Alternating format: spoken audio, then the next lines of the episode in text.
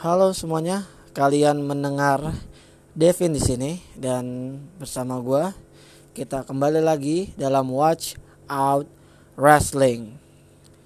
Jadi untuk hari ini tidak jauh ya dari episode pertama gue. Kita mulai episode kedua. Uh, kali ini gue akan sedikit memberi info dan mungkin uh, mengajak kalian berdiskusi.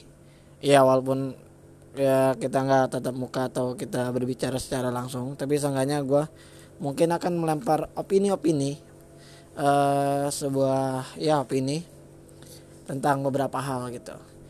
Jadi uh, untuk hari ini mungkin judulnya adalah recap Smackdown aja kali ya. Recap Smackdown pada tanggal 17 April 2020.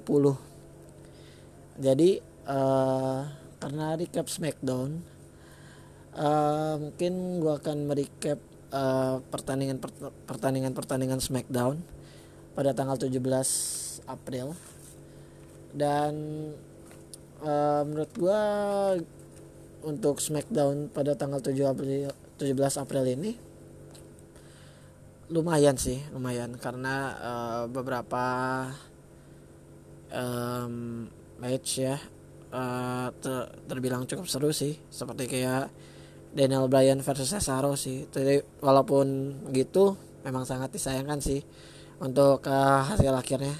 Tapi sebelum itu mendingan gua recap aja. Mungkin kalian juga yang belum nonton bagi yang belum nonton nonton dulu sih kata gua mungkin biar nggak spoiler atau gimana tapi kalau yang udah nonton ya bolehlah kena spoiler. Tapi ini warning ya dari gue ya biar nggak kena spoiler. Mungkin ntar ada yang bilang ah spoiler nih ternyata nih. Ya dari judulnya aja recap Smackdown. Gimana sih lu? Udahlah susah ya. Pokoknya waduh. Kalau kalian dengar suara apa bukan azan sih komat komat komat. Ya karena gue uh, ngepodcast ini di luar ya di balkon. Jadi uh, sorry sorry aja. Walaupun di balkon sepi sih sebenarnya tapi uh, gue tag nya ini abis isak banget. Jadi ya sorry sorry aja ya. Untuk recap Smackdown menuju pay per view Money in the Bank yang akan dilaksanakan kapan ya? Nanti deh gue cek deh menit banknya ada beberapa match dan ada beberapa mungkin kayak segmen ya. Uh, pada tanggal 17 April Jumat harinya. Yang pertama gue akan recap uh, Braun Strowman jadi bintang tamu di uh, Moment of Blissnya Alexa Bliss sama Nikki Cross. Jadi uh, Braun Strowman apa menjadi tamu di Maman of Bliss dan di situ uh, Brown ditanya bagaimana setelah dia menjadi champ. Terus juga ada hal yang menarik sih. Jadi di segmen itu uh, di sela bincang-bincang gitu Brown uh, secara tidak sengaja uh, nemuin sebuah kado sebuah kado di ujung ring gitu di dekat bakal gitu sih. Terus uh, Brown ngira itu kado uh, dari Alexa yang kita tahu dulu mereka uh, mix match tag team gitu kan. Mereka uh, satu tim ya Brown sama Alexa Bliss yang jadi juara. Eh yang jadi juara siapa ya? Kayaknya iya sih. Apa Asuka? Gue lupa ya uh, mereka pernah mix match challenge. Terus uh, Brown nyangka itu kado dari Alexa dan Alexa sebenarnya bilang bukan. Dan akhirnya uh, Braun Strowman buka dan isinya ternyata adalah sebuah uh, topeng. Sebuah topeng uh, black sheep. Kalau kalian tahu uh, Brown dulu uh, salah satu member dari Bray Wyatt dari Wyatt Family dan memang e, minggu lalu ada sedikit teser kan e, di minggu sebelum uh, Smackdown 17 April ini memang udah terlihat feud-feud gitu kan antara Brown sama Brown sama Wyatt sama Bray Wyatt. Nah ternyata ini benar-benar terjadi.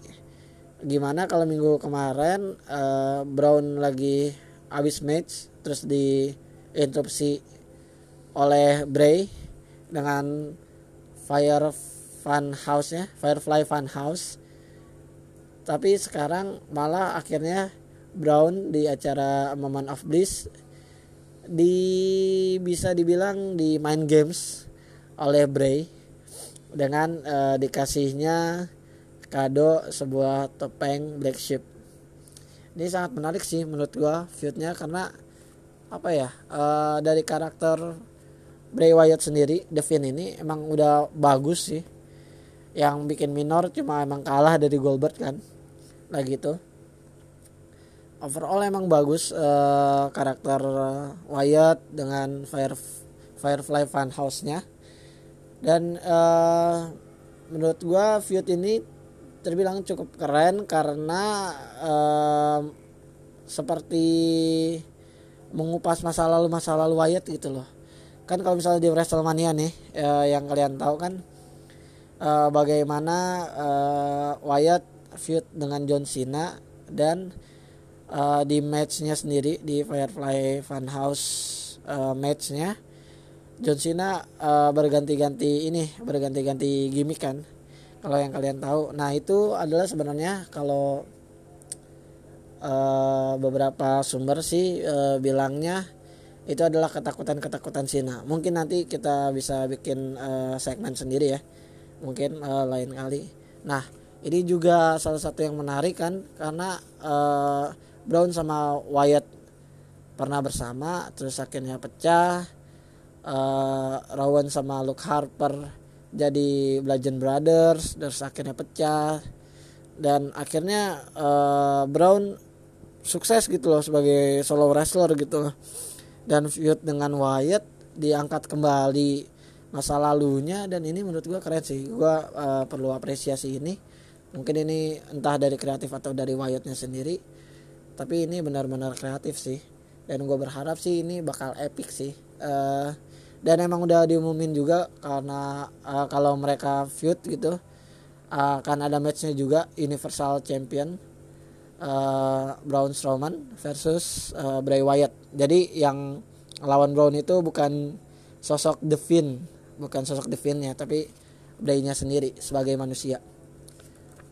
Terus um, ada lagi match uh, Tamina. Wah, Tamina nih dapat push nih kayaknya dari kreatif nih. Gua nggak paham sih, tapi ya dari semenjak return sih kelihatan sih dia mulai dapat push sih. Uh, Tamina menang secara aneh sih menurut gua uh, melawan uh, Sasha Banks. Tapi ya namanya juga di push kan mau menang lawan siapa aja bebas sih. Nah jadi uh, di pertandingan ini sebenarnya gimana ya kalau gua ngeliat Tamina sendiri sebenarnya bisa di bukan dieksploitasi sih uh, lebih ke kalau dikembangin uh, Tamina itu bisa lah sebenarnya menjadi top women gitu di WWE apalagi dia mungkin kalau misalnya ngomongin tentang nama ya dia kan uh, putri dari seorang legend nih Jimmy Snuka kan Hall of Famer. Jadi mungkin menurut gua Tamina harusnya bisa memang besar sih di WWE tapi sayangnya baru dapat push sekarang dan uh, Tamina dapat push uh, menang lawan Sasha Banks yang kita tahu ya banyaklah fansnya dan berharap megang champion lagi sih. Emang sebentar banget kalau dia megang champion di main roster. Nah Tamina menang lawan Banks dengan stipulasi kalau Tamina menang lawan Sasha Banks berarti uh, Tamina dapat title shot uh, title shotnya Bailey WWE SmackDown Women Champion. Uh, next week. Next week atau ah enggak deh. Di MITB di Money in the Bank. Nah dan akhirnya menang dengan uh, distraksi oleh Lacey Evans. Jadi emang Lacey Evans kan uh, feud tuh dengan Sasha Banks sama Bailey jadi uh, Lacey Evan membantu Tamina dan mensuper kick uh, Sasha Banks dan mendapatkan title match di Money in the Bank gitu. Dan gue berharap sih Tamina emang harus dipush sih. Mungkin uh, buat jadi top womennya mungkin bisa lah ya sama uh, kayak Nia Jax ya. Nia Jax juga baru return kan. Ya gue berharap sih bisa sih. Tapi ya mudah-mudahan aja nggak jadi jobber lagi sih. Terus uh, ada lagi uh, Sheamus Squash Denzel Dejonet gue nggak tahu gimana bacanya. Iya gue nggak habis pikir kenapa ya maksudnya uh, uh, superstar kalau misalnya dia return atau debut misalnya memang uh, harus apa ya harus dikasih lawan yang emang uh, lemah atau gimana gitu ya. Maksudnya buat naikin uh, red winningnya mungkin ya tapi uh, untuk kelas Sam sih nggak perlu ya karena dia juga udah top superstar gitu loh. Eh, nggak perlu juga untuk nge-squash uh, jobar-jobar gitu lokal wrestler gitu. Dan menurut gua nggak usah sih mendingan uh, Sheamus uh, lawan siapa gitu uh, dapat feud lagi. Uh, sebenarnya lawan Sortiji bagus tapi um, dari storylinenya nggak banget sih uh, bully-bully itu uh, kurang sih menurut gue mungkin ada sesuatu yang menarik mungkin untuk dijadiin di Sheamus uh, kreatifnya gue nggak paham sih. Tapi uh, untuk squash kayak gini kayaknya harus dikurang-kurangin sih. Karena apa ya gue tahu emang buat nambahin slot pertandingan doang tapi nggak uh, relevan lah. Dan harus dikurang-kurangin sih benar emang terus ada video Jeff Hardy dan uh, di video itu uh, apa isinya tuh uh, beberapa kasusnya sih beberapa beberapa kasus-kasus dia penangkapannya gitu-gitu sih. Ya kan yang kita tahu uh, Jeff kan emang bermasalah dengan banyak sih alkohol, drugs, kedisiplinan dan yang lain-lain mungkin uh, mungkin tesernya akan return. Ya istilahnya kayak pembalasan budi kali ya. Dan mudah-mudahan sih emang uh, Jeff benar-benar harus hilang dari dari kekonyolannya itu sih. Karena sebenarnya dia top superstar tapi dia emang banyak masalah di luar ring gitu. Terus uh, ada pertandingan uh, Money in the Bank qualification uh, Dana Brooke versus Naomi. Nah ini uh, salah satu uh, push juga nih bagi Dana Brooke yang kita tahu emang uh, mungkin akhir-akhir ini Dana juga di ini sih di push gitu kan. Di di push uh, terus uh, abis itu mungkin karena kedekatannya juga dengan uh, Batista kali ya. Gue juga nggak tahu uh, akhirnya dana broke dapat uh, push dan menangnya juga lawan Naomi loh. Gue juga kaget gitu dapat Naomi. Naomi skillful atletik keren uh, banyak yang suka gimmicknya keren.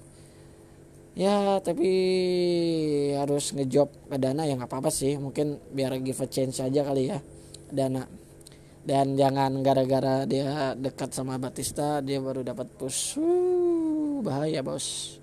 Tidak asik sekali ya. Terus ada lagi Money in the Bank qualification uh, Daniel Bryan versus Cesaro. Nah ini nih yang gue bilang tadi uh, pertandingan yang ya lumayan sih menurut gue lumayan seru. Karena emang dua talent ini benar-benar talented gitu loh Daniel Bryan veteran. Cesaro juga sebenarnya veteran juga. Uh, dua-duanya bisa main technical. Memang dua-duanya technical sih. Cesaro bisa jadi uh, powerhouse. Bryan bisa jadi high flyer juga. Bisa ya skillful lah mereka lah.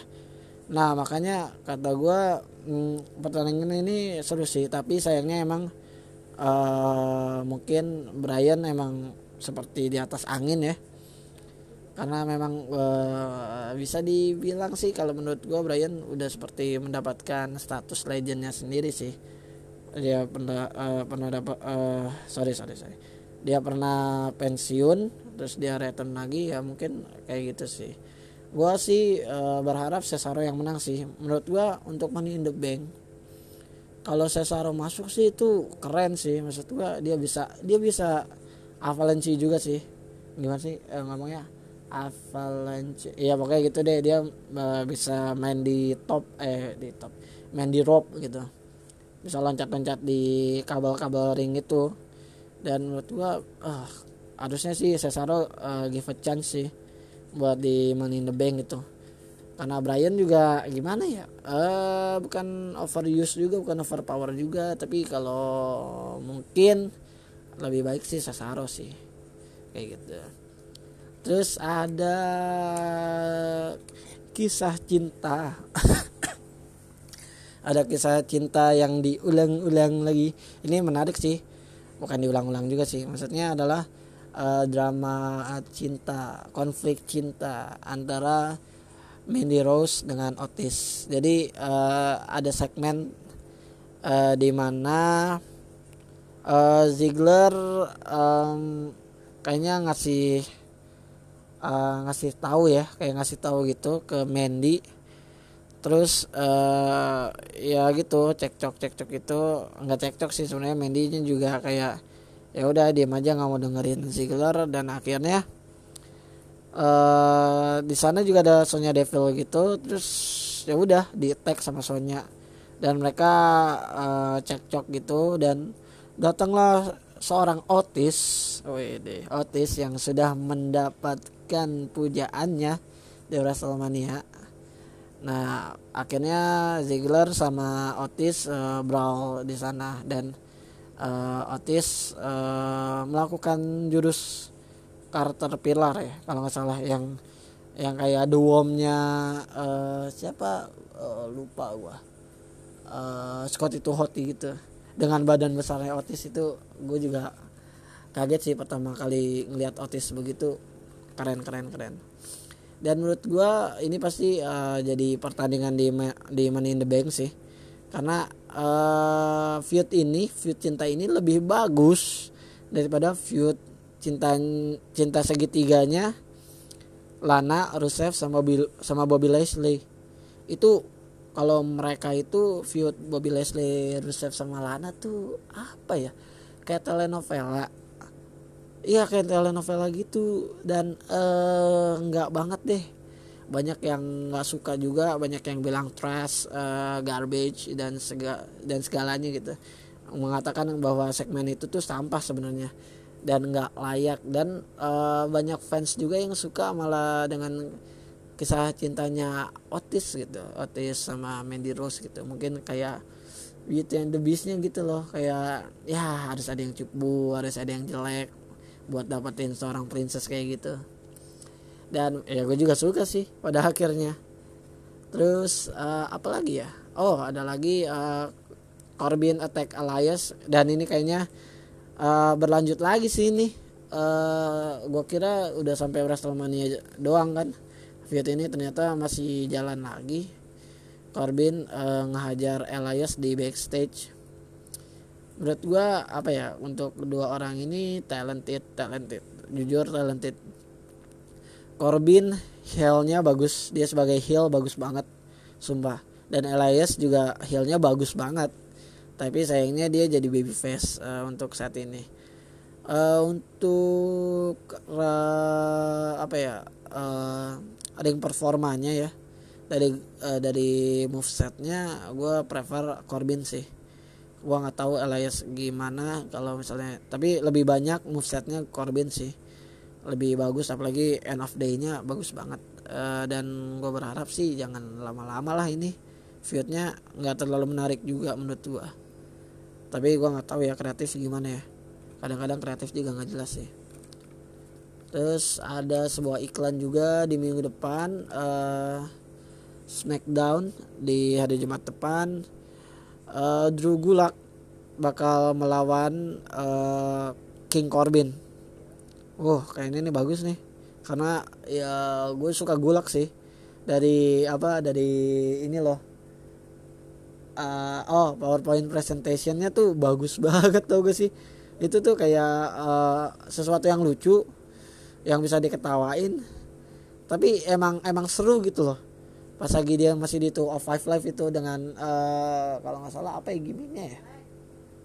Uh, kayak make American Great Again. Oh make make two of five live Great Again atau gimana gitu. Gue gue lupa deh. Nah itu gue mulai suka di situ. Nah gulak juga kayak Dana Bryan gitu.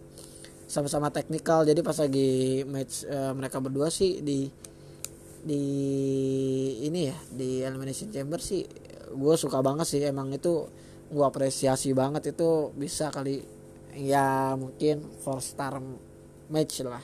Nggak sampai five tapi memang bagus banget sih. Terus ada Lindsey Evans versus Sasha Banks. Jadi Banks sudah kalah lawan Tamina tapi dia dapat chance juga untuk di Money in the Bank qualification. Gue nggak tahu sih siapa yang bakal menang. Tapi kayaknya Lindsey Evans sih kalau di perkiraan ya. Uh, ya kalau ngomongin face uh, heel kayaknya Evans tapi gue berharap Banks sih menang. Karena dia ada di poster. Ya walaupun Evans juga ada di poster sih. Terus nah ini nih yang gue kaget nih. Uh, mungkin uh, aneh juga sih. Uh, Dana Brooke dan Carmela melawan Alexa Bliss dan Nikki Cross untuk um, woman tag team champion.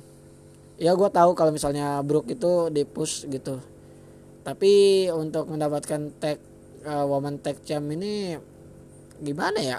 Gue juga kaget sih. Walaupun emang ada beberapa feud-feud kecil gitu loh kayak sebelum-sebelumnya. Antara Brook Carmela Bliss sama Cross ini. Tapi ya ya udahlah ya. Gue nggak tahu kreatif. Tapi untuk uh, siapa yang menang kayaknya retain sih Alexa Bliss sama Nikki Cross. Karena gue juga suka juga sih uh, dengan tag team ini. Yang walaupun yang paling gue suka sih tetap Asuka sama Aska sama Kirisen ah sayangnya Kirisen jadi di nerf gitu ya. Di nerf gitu ngerasa agak sih. Di nerf itu pas lagi di main roster padahal oh itu kecil-kecil cabai rawit. Uh cakep lagi dan untuk main event di Smackdown tanggal 17 April ini uh, ini sebenarnya uh, triple threat single antara Biggie versus The Miz versus Jimmy Uso. Ini bagus. Ini uh, literally bagus banget matchnya. Walaupun untuk sekelas uh, apa ya?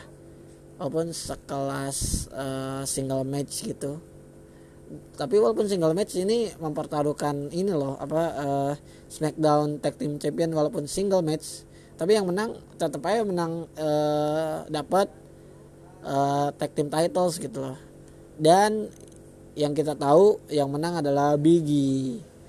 Huh, gue sih gini ya, gue berharap ya, gue berharap uh, New Day tuh nggak monopolitasi uh, tag team lagi gitu loh.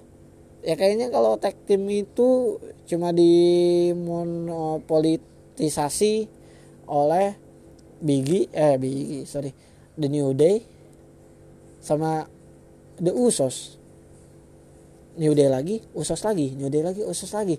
Padahal Miss Morrison ini bagus loh. Oh ya bagus karena mereka juga veteran juga menurut gua kurang lama ini uh, untuk retain uh, titlenya.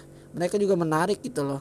Makanya Morrison balik lagi digabungin sama Demis ya mungkin karena untuk entertainnya ya the dirt shit. Memang sangat-sangat shit. The dirt shit. Ya begitu deh. Pokoknya di New Day menang dan membuat mereka jadi eight time a time, a time, a time, a time, a time, a time, a time, tag team champion of the world. Ah, jadi 8 kali chamnya. Gila, gila. Tapi congratulations sih buat mereka dan itu mungkin sekian untuk uh, recap gua tapi walaupun begitu pembicaraan gue akan masih panjang seenggaknya untuk beberapa menit kali ya. Karena gue juga punya beberapa info juga uh, khususnya untuk ini sih money the bank sih money in the bank MITB jadi uh, yang lagi dibicarain hangat ini ya pada hari Jumat uh, saat Smackdown tayang official WWE uh, memberikan sebuah apa ya kayak statement bukan statement sih sebuah pemberitahuan lah bahwa uh, untuk tahun ini uh, 2020 Money in the Bank akan dilaksanakan di markas besar WWE gila.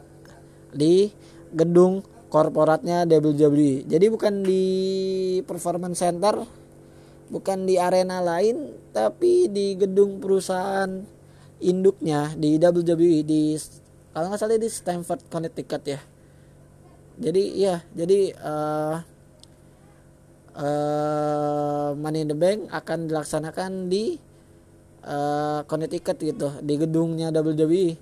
Dan ini yang sangat unik sih menurut gua sih karena uh, untuk uh, matchnya yang Money in the Bank yang uh, briefcase digantung di atas gitu yang kita harus ngambil naik pakai ladder atau tangga. Jadi ada perubahan sedikit dari official untuk tahun ini. Mungkin karena uh, masalah seperti uh, COVID-19 ini corona uh, terus juga kan karena nggak ada penonton juga mungkin ya. Jadi uh, sepertinya ya perkiraan dari beberapa banyak uh, fans wrestling dari fans pack fans pack fans pack uh, wrestling uh, mengabarkan bahwa kayaknya sih ini bakal jadi kayak uh, movie match gitu. Movie match kayak boneyard matchnya di Undertaker versus AJ Styles gitu jadi ini kemungkinan kayak iya kayak gitu. Kayak misalnya uh, Orton versus Wyatt yang di mana tuh yang di rumahnya Wyatt gitu ya yang kata rumahnya dibakar atau mungkin matchnya eh brawlnya Orton sama di sama Triple H di rumahnya Orton kayak gitu. Jadi kemungkinan besar uh, match ini yang dilakukan oleh superstar uh, pria maupun wanita ini bakal stipu bukan stipulasi sih. Kayaknya uh, direkamnya seperti bakal uh, movie match gitu loh. Jadi ya kayak boneyard match gitu. Kalau kalian nonton Wrestlemania kemarin sebenarnya kayak gitu. Nah di rulesnya ini jadi biasanya kan uh, kita di ring dihadapin oleh lima orang superstar lainnya ya. Berarti kalau sama kita enam nah terus kita harus berantem uh, dan bisa pakai barang apa aja tapi kita perlu satu ladder untuk buat naik ke atas dan ngambil briefcase nya dan itu udah gitu aja kan di ring ngambil tangga manjat ngambil briefcase udah. Tapi untuk tahun ini di 2020 uh, eh, bukan perubahan kecil malah ini perubahan besar. Karena uh, match akan dilangsungkan di uh, bawah uh, gedung dari WWE. Jadi uh, lo semua misalnya superstar akan melakukan match dulu di bawah di dasar lah di dasar gedung. Nah, terus kalian semua superstar ini disuruh naik ke atas, naik ke atas.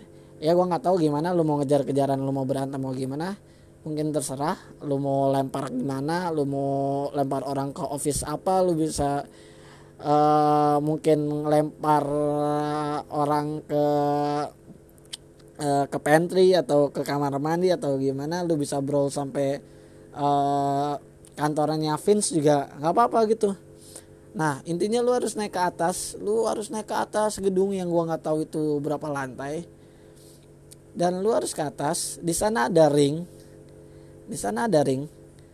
Dan di sana ada uh, apa uh, briefcase-nya di atas digantung gitu pakai kayak apa sih ya kayak pembantu pembantu buat uh, kayak besi-besi gitu buat ngegantungin briefcase.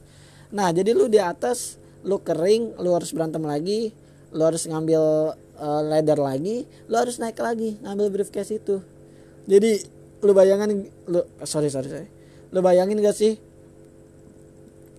Gimana serunya gimana melelahkannya pertandingan itu itu sangat apa ya mungkin bisa dibilang aneh tapi menurut gue ini unik dan seru sih. Pasti gue bakal tungguin banget sih.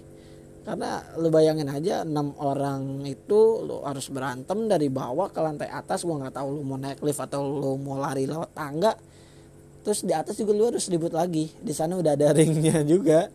Di sana udah ada official mungkin udah ada wasit atau ya di udah ada kameramen. Nah lu di sana di atas juga harus manjat juga.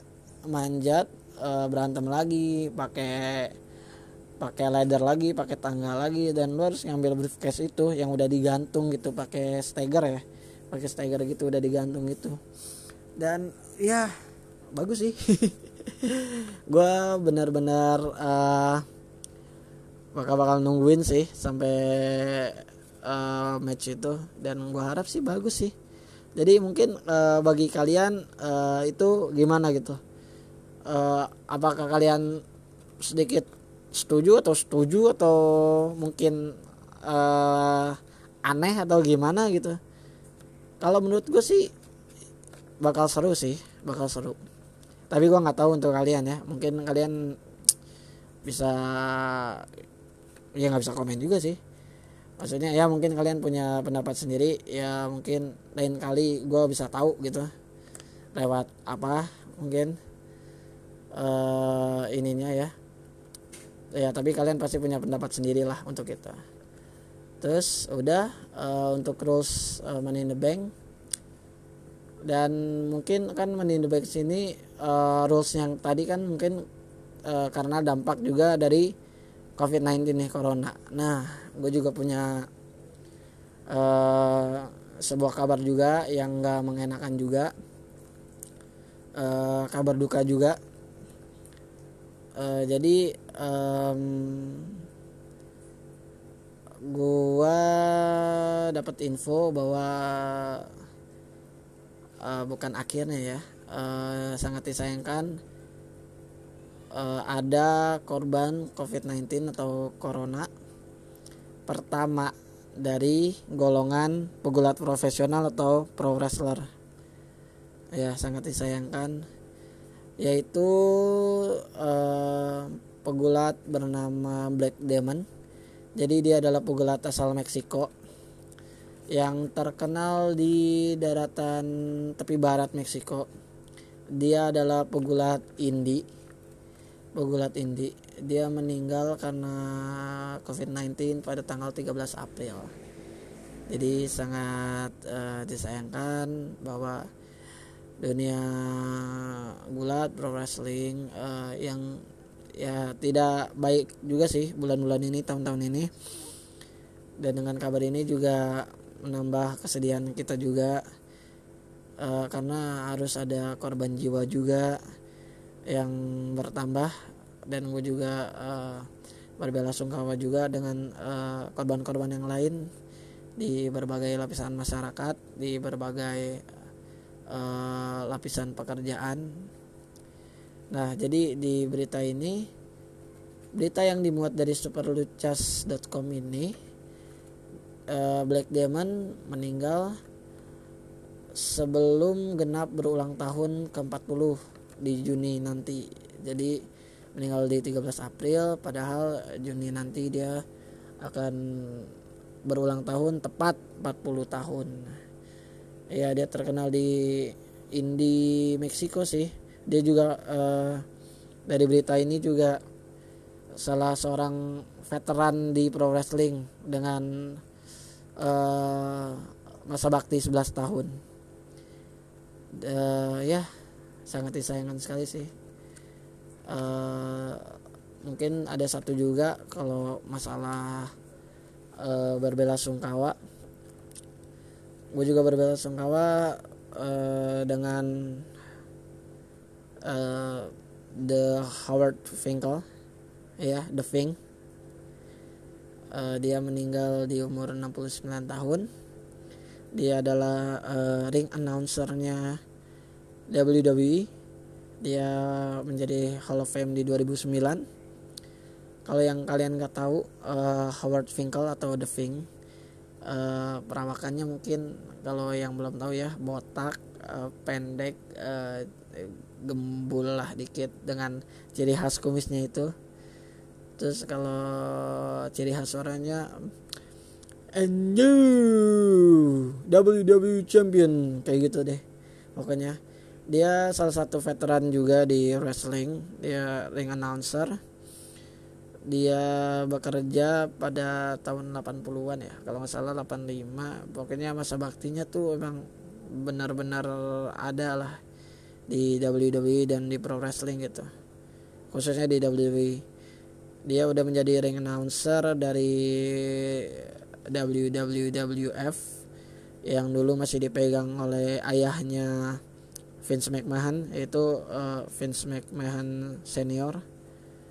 Sampai akhirnya uh, ya sampai kalau nggak salah di 2000 berapa ya? 2000, 2011 deh apa di 2000 berapa gitu uh, sampai jadi ring announcer pribadinya si Empang tuh lagi tuh.